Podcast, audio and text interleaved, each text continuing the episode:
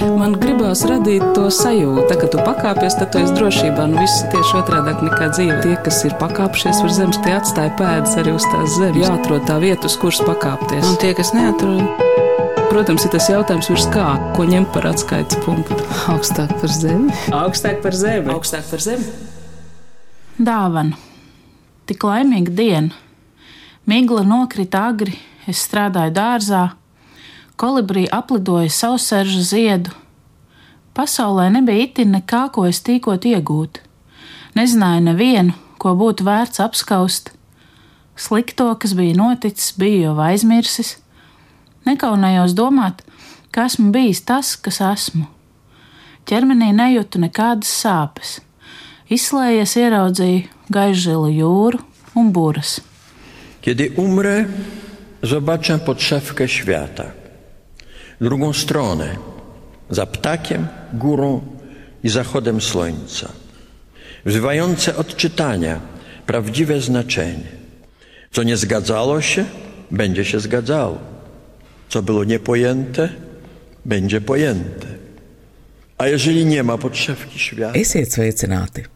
Dāvana, tā dzinieca atzējotā Igmāra Balode, latviskojusi Česlava Miloša, poļu dzinieka, literatūra kritiķa valodnieka, Kalifornijas Universitātes slāvu literatūras profesora un Nobel prēmijas laureāta dzējoļu nosaukumu. Un šis nosaukums dots arī visam nesen izdevniecības neputns bilingvālo dzējas grāmatu sauktajā samta sērijā iznākušajā krājumā.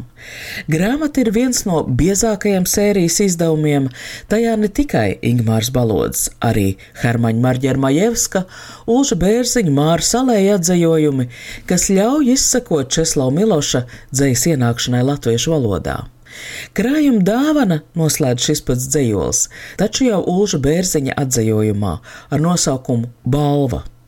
Mans vārds ir Anna Bušvica, un es apsveru, kas ir tas būtiskākais, kas raksturo Česlavu Milošu personību, kas par viņu jāpasaka vispirms. Man liekas, viņš ir laika liecinieks. Savā 93 gadus ilgušajā mūžā, kas aizsākās vēl pirms Pirmā pasaules kara, noslēdzās jau šajā tūkstošgadē, viņš ir spējis būt laika biedrs vairākām paudzēm. drozd na gałęzi nie wcale znakiem, tylko drozdem na gałęzi, jeżeli dzień i noc następują po sobie, nie dbając o sens, i nie ma nic na ziemi, prócz tej ziemi, Ingūna Baloda atsūta man šo no YouTube ņemto video, kurā Česlavs Milošs lasa dzējoli dāvana, un piebilst, ka viņai patīk klausīties Miloša poļu valodā, kas pat pēc ASV Berklijas universitātē pavadītajiem vairāk kā 20 gadiem saglabājusi īpatnu lietuvisku akcentu. Arī šādā veidā viņš ir drusku mūsējais. Dzimis 1911. gadā Lietuvas šeteņā, beidzis Viļņas universitāti, un tieši šajā laikā arī veidojies kā dzēnieks, darbojoties dzēnieku grupā Žagari. Telefona sarunā pirms šīs intervijas tu man teici, ka Česlavs Milošs vēl joprojām jaucās tavās domās. Jā, iespējams, ka tā arī ir um, atzīves lieta, un tās noteikti ir arī manas attiecības ar Milošu kuras nu, nevar aizvērt tā kā to grāmatu. Un labi, vien ka tā. Cilvēks ar savu gadsimta pieredzi ir bijis nu, tik cieši manās domās un, um, un uz darba galda, un tad viņš arī nekur uh, tā prom neaizsteidzas. Neredzamā aizberga daļa faktiski liek visu laiku turēties tajā plūdumā, nenolikt nost. Gatavoties šai intervijai, es ielūkojos internetā un atradu brīnišķīgu 2004. gadā rakstītu Juru Kronbergu tādu tā kā nekrologu Česlavam Milošam publicēt avīzē Diena. Viņš šo nekrologu sāk ar vārdiem 14. augustā 93 gadu vecumā nomira viens no Eiropas literatūras lielajiem poļu rakstnieks Česlavs Milošs, un uh, viņš pārdzīvoja visas, viņš raksta, viņš bija mūsu laika biedrs, bet pārdzīvoja visas. Es biju Krakovā tajā dienā, kad Česlavs Milošs nomira, un, protams, tos melnos karogus pie visām ēkām aizmirst nevar. Milošs tajā brīdī jau bija nu, arī tāda Krakovas leģenda. Viņu varēja sastapt, pastaigājāmies pa plantiem, mm, viņu varēja sastapt dzējas lasījumos, um, gan uzstājamies, gan sēžam zālē, bet tomēr poļiem un manas paudzes poļu dzēniekiem viņš bija dzēnieks, ko tev pieklājas zināt.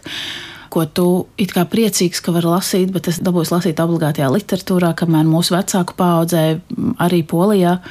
Viņš bija starp um, aizliegtiem autoriem, ko tikai Spēcfondā un daži īpaši studenti varēja varbūt pieskarties viņa tekstiem. Nu, tā kā arī tas klātbūtnes laiks ir bijis ļoti mainīgs. Studiju gados Viļņā Česlavs Milošs bija sabiedriski aktīvs. Jau krietni vēlāk, 1953. gadā tapušā darba sagūstītais prāts ievadā, viņš skaidros, ka spēju rakstīt esejas viņš trenējas tieši šajā dzīves periodā. Viņa atpazīstamības un nostājas dēļ, likumsakarīgi jaunā pēckara komunistiskā Polija, steidzās Milošs iesaistīt diplomātiskajā dienestā. Milošs pagūva pabūt gan Vašingtonā, gan Parīzē, līdz 1951. gadā lūdza politisko patvērumu. Sakūstītais prāts, grāmata, kas Ulža Bērziņa tulkojumā 1998. gadā iznākusi arī latviski, padarīja Milošu plaši pazīstamu rietumos, bet nodrošināja viņa darbu nonākšanu aizliegto sarakstā dzimtenē. Česlava Miloša atgriešanās mūža nogalē Polijā, Krakovā ir arī simbolisks solis, apliecinoši daļa no viņa dzīves un rakstītā dramaturģijas. Zināmā vecumā gribējām izsūdzēt grēkus un nebija kam. Mākoņi pieņemt tos negribēja, nedz arī vējš, kurš apciemo visas jūras pēc kārtas. Neizdevās ieinteresēt arī zvērus. Suņi samulsuši gaidīja pavēles, Kaķis, būdams kā allaž amorāls aizmiga, cilvēks, kurš varētu domāt tik tūs, nespēja klausīties visu, kas noticis senāk. Sarunas ar citiem pie šņābja glāzes vai kafijas neklājās ievilkt, kad visi jau posās uz mājām. Pazemojoši būtu maksāt par stundām diplomātam doktoram tikai par to vien, ka klausās. Baznīcas, varbūt baznīcas, bet ko gan tām atklāt? Ka likāmies paši sev daļi un cēli, bet vēlāk tajā pat vietā rupucis kraupains paver biezās lūpas un zināms, ko izdveš. Tas es 1994. gads. Tā mana īstā tikšanās ar Milošu notika pēc tam, kad es viņā varēju ielasīties vairāk, jo tajā laikā es tikai studēju. Es biju sākus burtiski apgūt poļu valodu, un Hermans Marģers Majevskis, um, viens arī no atdzīvotājiem, kuri daži spilgti darbi ir iekļauts šajā izlasē. Man teica, nu, taču strādā, mācies to poļu valodu, ir tik daudz ko atzējot, paskaties, mums ir pavisam maz miloša. Viņam arī ar to visu, cik viņš daudz strādāja, visu laiku bija sajūta, ka pavisam maz, pavisam maz, jebkā, ko tu taisi, ir pavisam maz, jo tu viens pats kā nevar paspēt. Česlava Miloša runa, saņemot Nobel prēmiju, ir tulkot latviski, vispirms publicēta žurnālā grāmata, tad pārpublicēta un joprojām atrodama internetu žurnālā Satorī, Citēšu: Mūsu gadsimts, 20. tuvojas beigām, un man nav drosmes to nolādēt, jo tas ir bijis arī ticības un cerību gadsimts. Notiek liels pārmaiņas, kas liek sev just, izraisa vispārēju izbrīnu. Mēs to visu nespējam apzināties, esam daļa no tā, bet pārmaiņas turpinās pretēji prognozēm par to īslaicīgumu. Kad viņam pasniedz Nobela prēmiju, kas tiek minēts kā arguments, ka viņš ir pirmais autors no Austrum Eiropas, kas saņēma šo prēmiju. Un es domāju, bet tajā 80. gadā nu, diezgan diskutabli dzinieks no Austrum Eiropas, kurš fiziski atrodas Amerikas Savienotajās valstīs. Nu jā, viņam tas mūža gājums bija ļoti asu pretrunu pilns vienmēr no pašas agras bērnības pavadīts pēc mūsu šī brīža izpratnes Lietuvas laukos, līdz diplomāta karjerai īsai, bet ārkārtīgi smagā laikā, pēckara gados un, un līdz profesūrai Amerikā. Protams, var sacīt, ka bez šī Amerikas perioda, bez 60. gadiem Berklijā un vēlāk laika viņš iespējams nebūtu tik labi sadzirdēts starptautiskā auditorijā.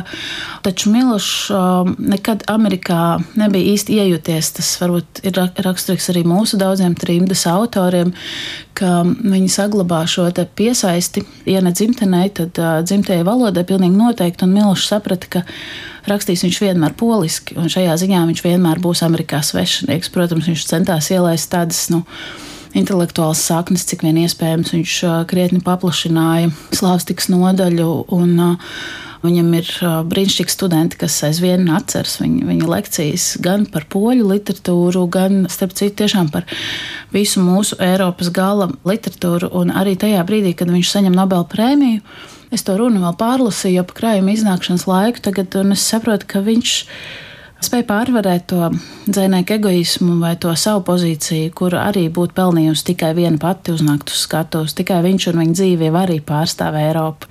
Viņš uzsver Baltijas valstu neatkarības nepieciešamību, šīs domas atšķirību no tā viss, ko autoritāri vārdi ir censies uzspiest, un faktiski vēlreiz nostiprina tās tēzes, ko viņš arī pasaka sagūstītajā prātā, un savukārt ar varbūt tādu mazāku abstrakcijas līmeni izvērš dzimtajā Eiropā, kas it kā atdod Eiropu atpakaļ Milošam visplašākajā izpratnē, nedalot austrumu rietumu. Dzimtā Eiropa Česlava Miloša prozas grāmata Māra Salē tulkojumā iznāca 2011. gadā, un kaut kādā veidā šo grāmatu man gribas salīdzināt ar kinozinātnieces Valentīnas Freimans atmiņu stāstu grāmatā ar Dievu Atlantīda.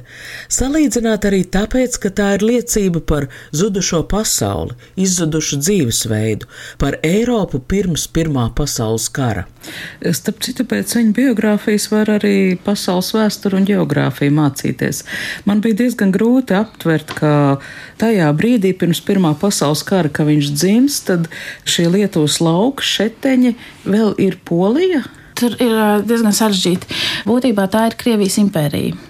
Un, uh, viņa tēvs, Aleksandrs Milošs, kurš uh, studēja Rīgā tos dažus gadus pirms Česlava dzimšanas, ir Rīgas Politehnikuma students, jauns daudzsološs inženieris, kuru arī Milošs bērnībā pirmajos gados aizsūta inspicēt un veidot visādas inženiertehniskas būvas, īpaši ar tiltiem. Milošs tēvs noņēmās kaut kur um, Krievijas dziļumos. Nu, būtībā viņš piedzimst Krievijas impērijā kā polis, kur tomēr ir arī ļoti atvērta visam lietuviskajam apkārt. Miloša ģimene, šī kunatu dzimta, ir ļoti sakņota tajā kaujas apriņķī ap, ap šetiņiem. Un tur ir gan tas viņa aristokrātiskais atzars, varbūt uz ko viņš tā, nu, parasti ar tādu pašironiju atsaucās, un kas viņu savieno ar nu, būtisku franču dzēnieku diplomātu, arī mistiķi Oskaru Milošu, kas Česlavu Milošu ārkārtīgi ietekmēja. Parasti īsuma labā tiek teikt, ka tas ir Milošs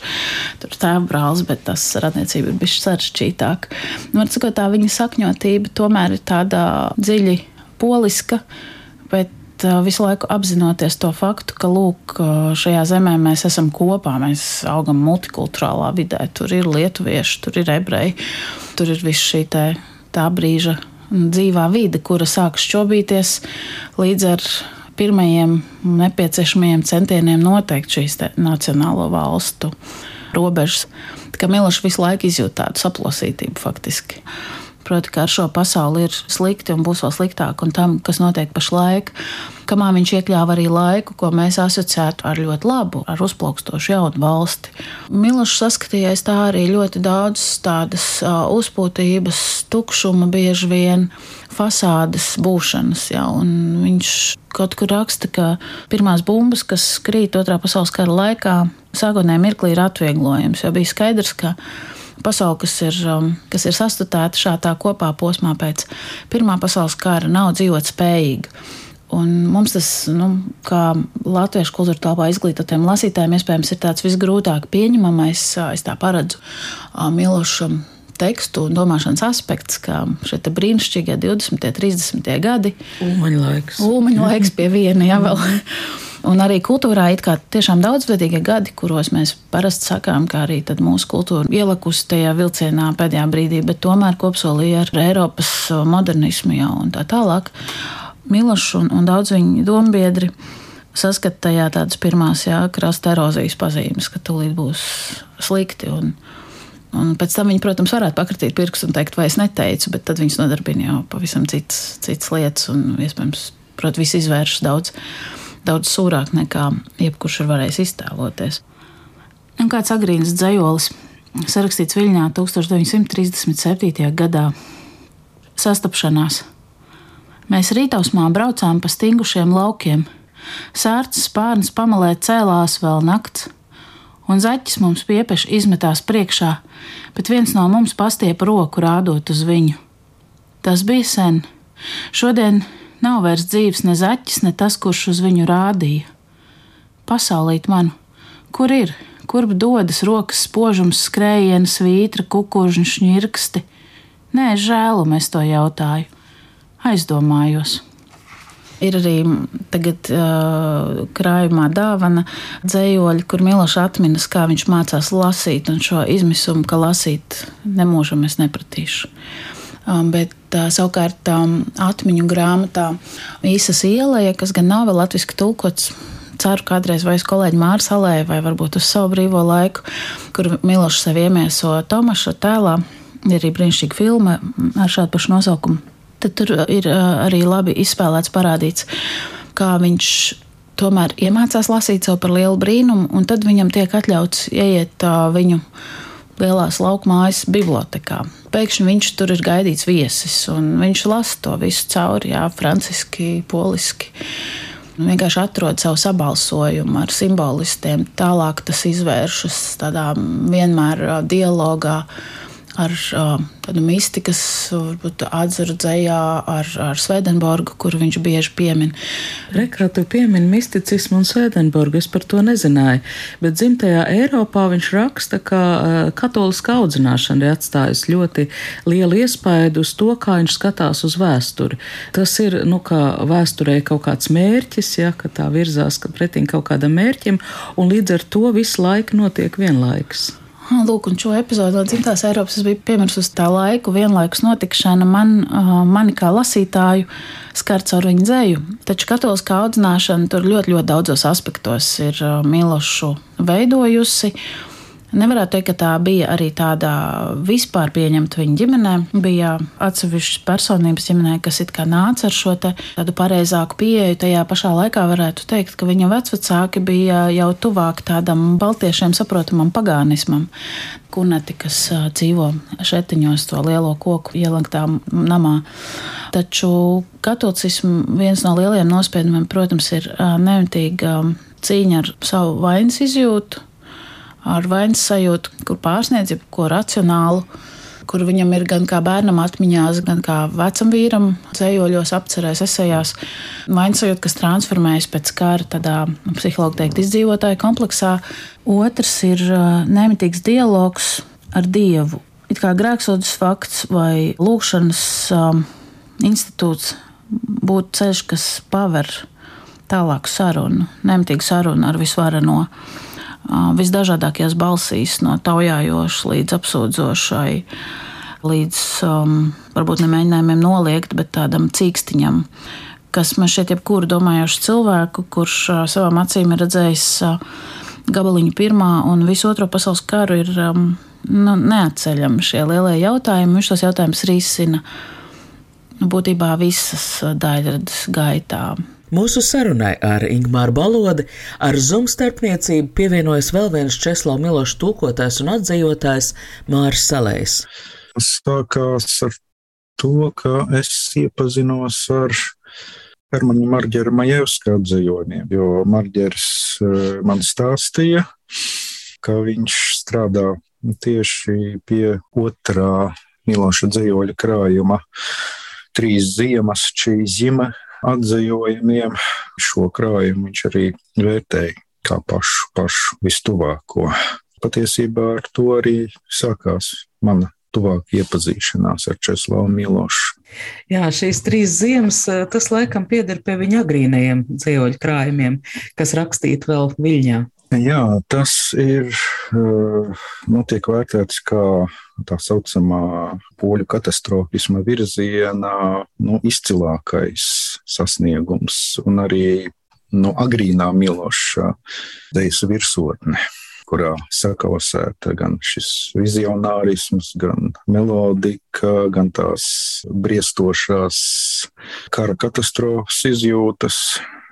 Tas ir tāds neaizmirstams krājums. Uz mūžiem paliks poļu dzējas vēsturē. Ja tā nopietni, tikai laikam 3-4 Miloša dzējoļus esmu atzījis, un tas, kuru es nevarēju neatzījot, kurš mani tā nu, aizgrāba un sajūsmināja, ir no tām pašām trim ziemām dzējolis dziesma, kurš arī ir iekļauts Ingmāras sastādītajā izlasē. Jā, es nolasīšu no beigu posma. kaut kas līdzīgs kā kora un solista saspēlēja dialogam, kurā persona viņa vēsta vienu stāstu, un koris it kā viņai atbild. Patiesībā jau stāsts ir par esamību, par attiecībām ar pasauli. Viņa, ak, kauču, jau manī būtu kaut vienīgs graudiņš bez rūsas, kauču viens graudiņš, kas pastāvētu pēc manis, tad varētu dusēt šūpulī iešūpinātā pārmaiņas tumsā un ausmā.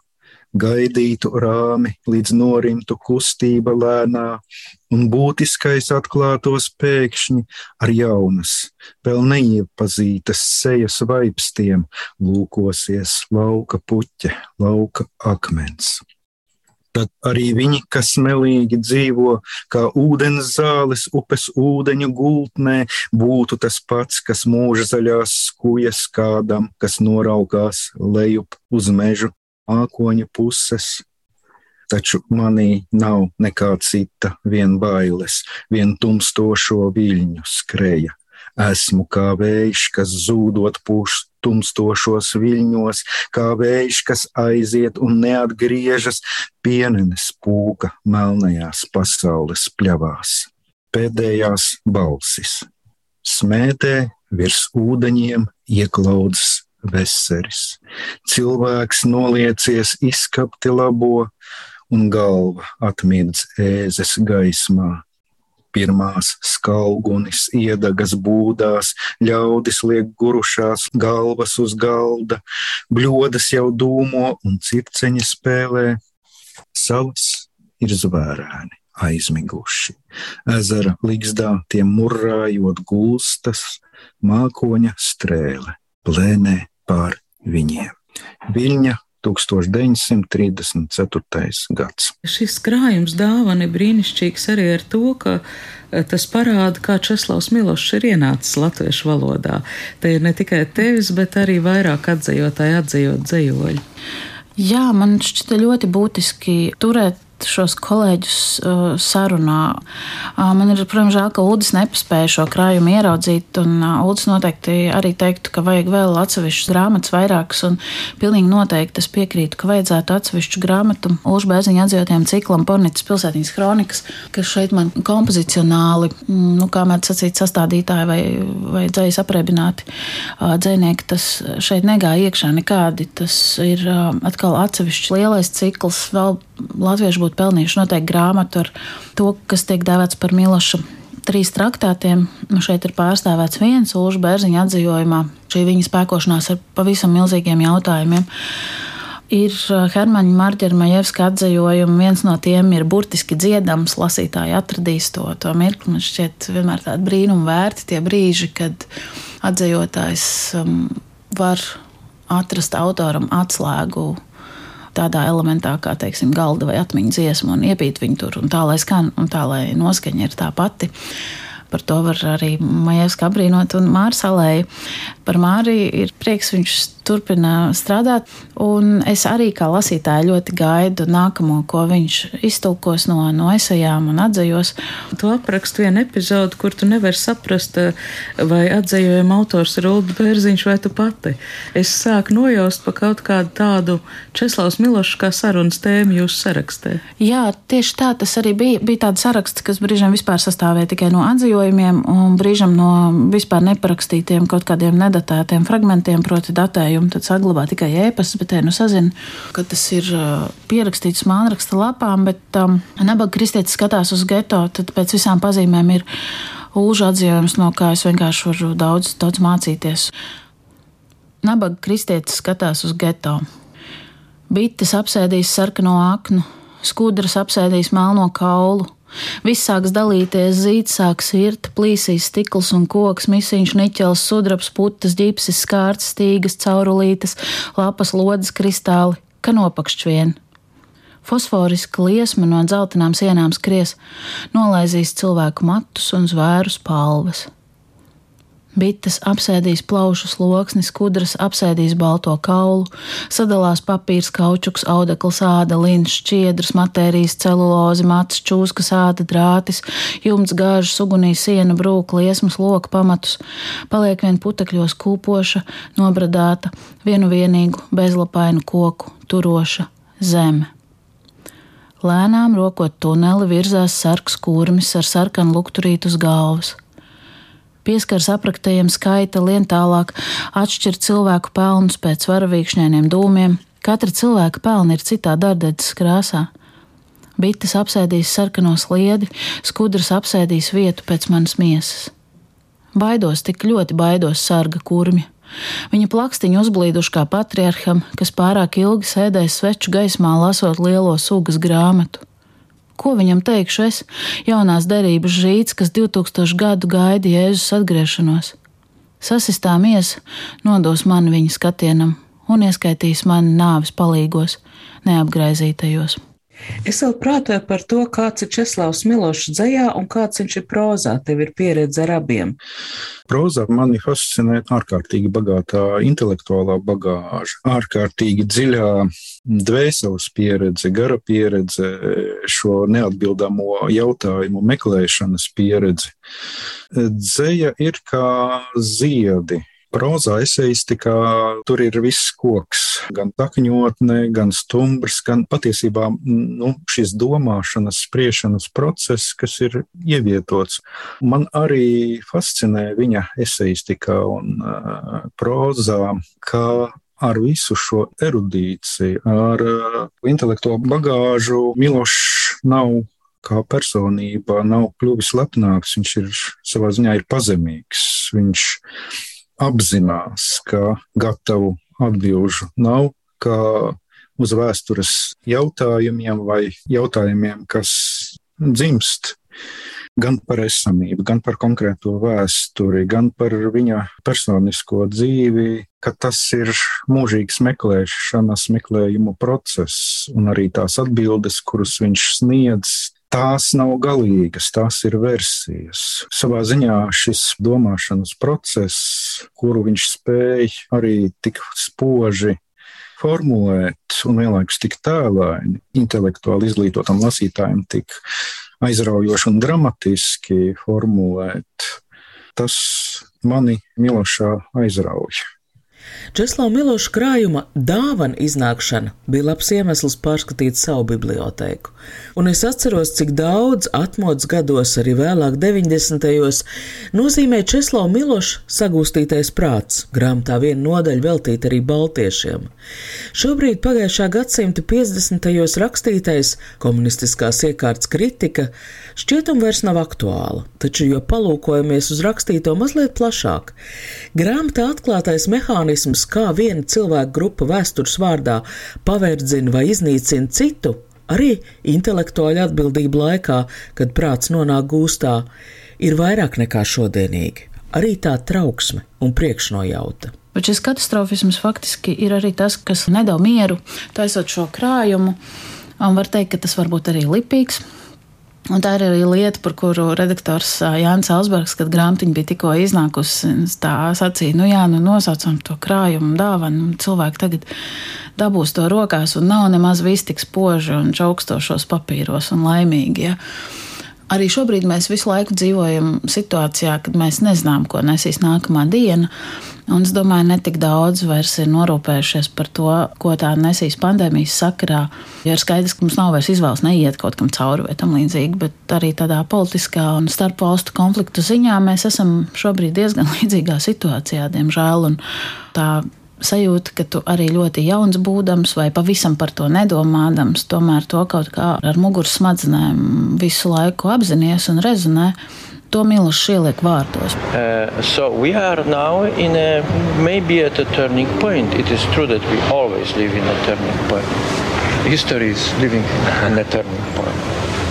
Česlav Milošs, bilingvālais dzējas krājums dāvana, dāvana sarunāties ar personību, kuras teiktais pamanījies cauraust arī šo laiku. Ar krājuma sastādītāju atzījotāju Ingmāru Balodi sarunājās Anna Bušvica, šī raidījuma skaņoperators Valdis Raitums. tā, kad tu pakāpies, tad tu esi drošībā. Nu, viss ir tieši otrādi nekā dzīve. Tas ir tā spēle, jā. Tie, kas ir pakāpšies virs zemes, tie atstāja pēdas arī uz tās zemes. Protams, ir tas jautājums, ko ņemt par atskaites punktu. Nē, nu, principā ir skaidrs, augstāk par zemi. Jāatrod tā vieta, uz kuras pakāpties. Augstāk par zemi. Augstāk par zemi. Augstāk par zemi.